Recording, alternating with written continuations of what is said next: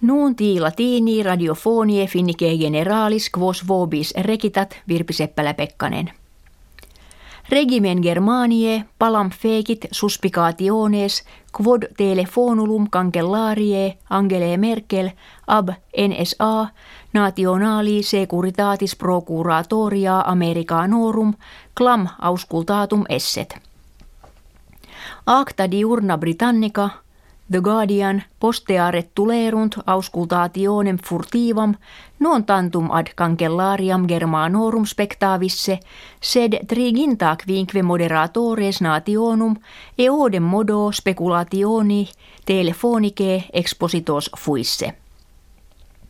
Periodicum Germanicum der Spiegel narravit telefonemata Angele Merkel plus decem annos ita auscultata esse.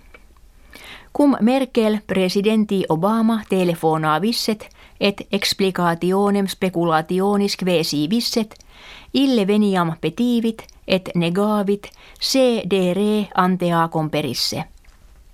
Si comperisset se finem speculationi impositurum fuisse.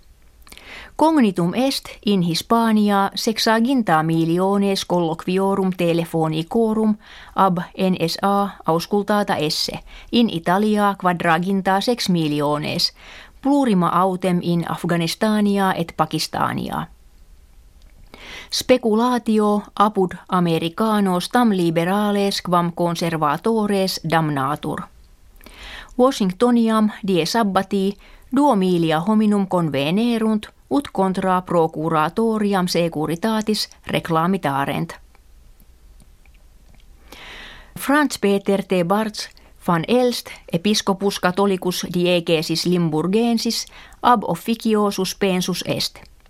Vituperabatur quod vivendo luxuriose, opes ecclesiae dissipavisset. Ad residentiam episcopalem renovandam unam et triginta miliones euronum consummaverat, labrum balneare sibi quindecim milibus paraverat, centum milia ad fenestras sacelli sui consumserat. Itaque sancte sedi placuit ut episcopus prodigus ab officiis episcopalibus in diegesi sua suspenderetur.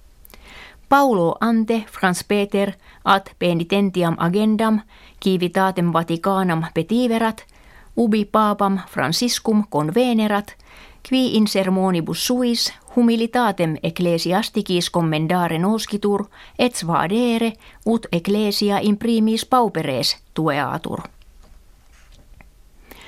In mundo hodierno sunt triginta hominum miliones qui in servitute vivunt ut nu perimerettulit ordo the Walk Free Foundation. Pro servitute habentur mercatura hominum, labor coactus, matrimonia coacta, venditio abususque puerorum. Maximus servorum numerus, nempe quattuordecim miliones in India invenitur. Optime rese habent in Islandia, ubi minusquam centum servi esse estimantur. Sequuntur terre opulentiores ut Irlandia, Britannia, Nova Zeelandia, Helvetia, Norvegia, Dania, Finnia, in quibus autem servitus opinione frequentior est. Plurimi servi in terris asie aut Africae vivunt. Vigesima secunda Olympia hiemalia in urbe Sochi Russie mense februario fient. Cum Thomas Bach presidens commissionis olympicae internationalis nuper loca kertaaminum visitaret Russie presidens Vladimir Putin illi affirmaavit omnia fere parata esse et omnes qui ad ludos venissent gratos expectatosque fore qualis cumque esset eorum origo etnica vel inclinatio sexualis.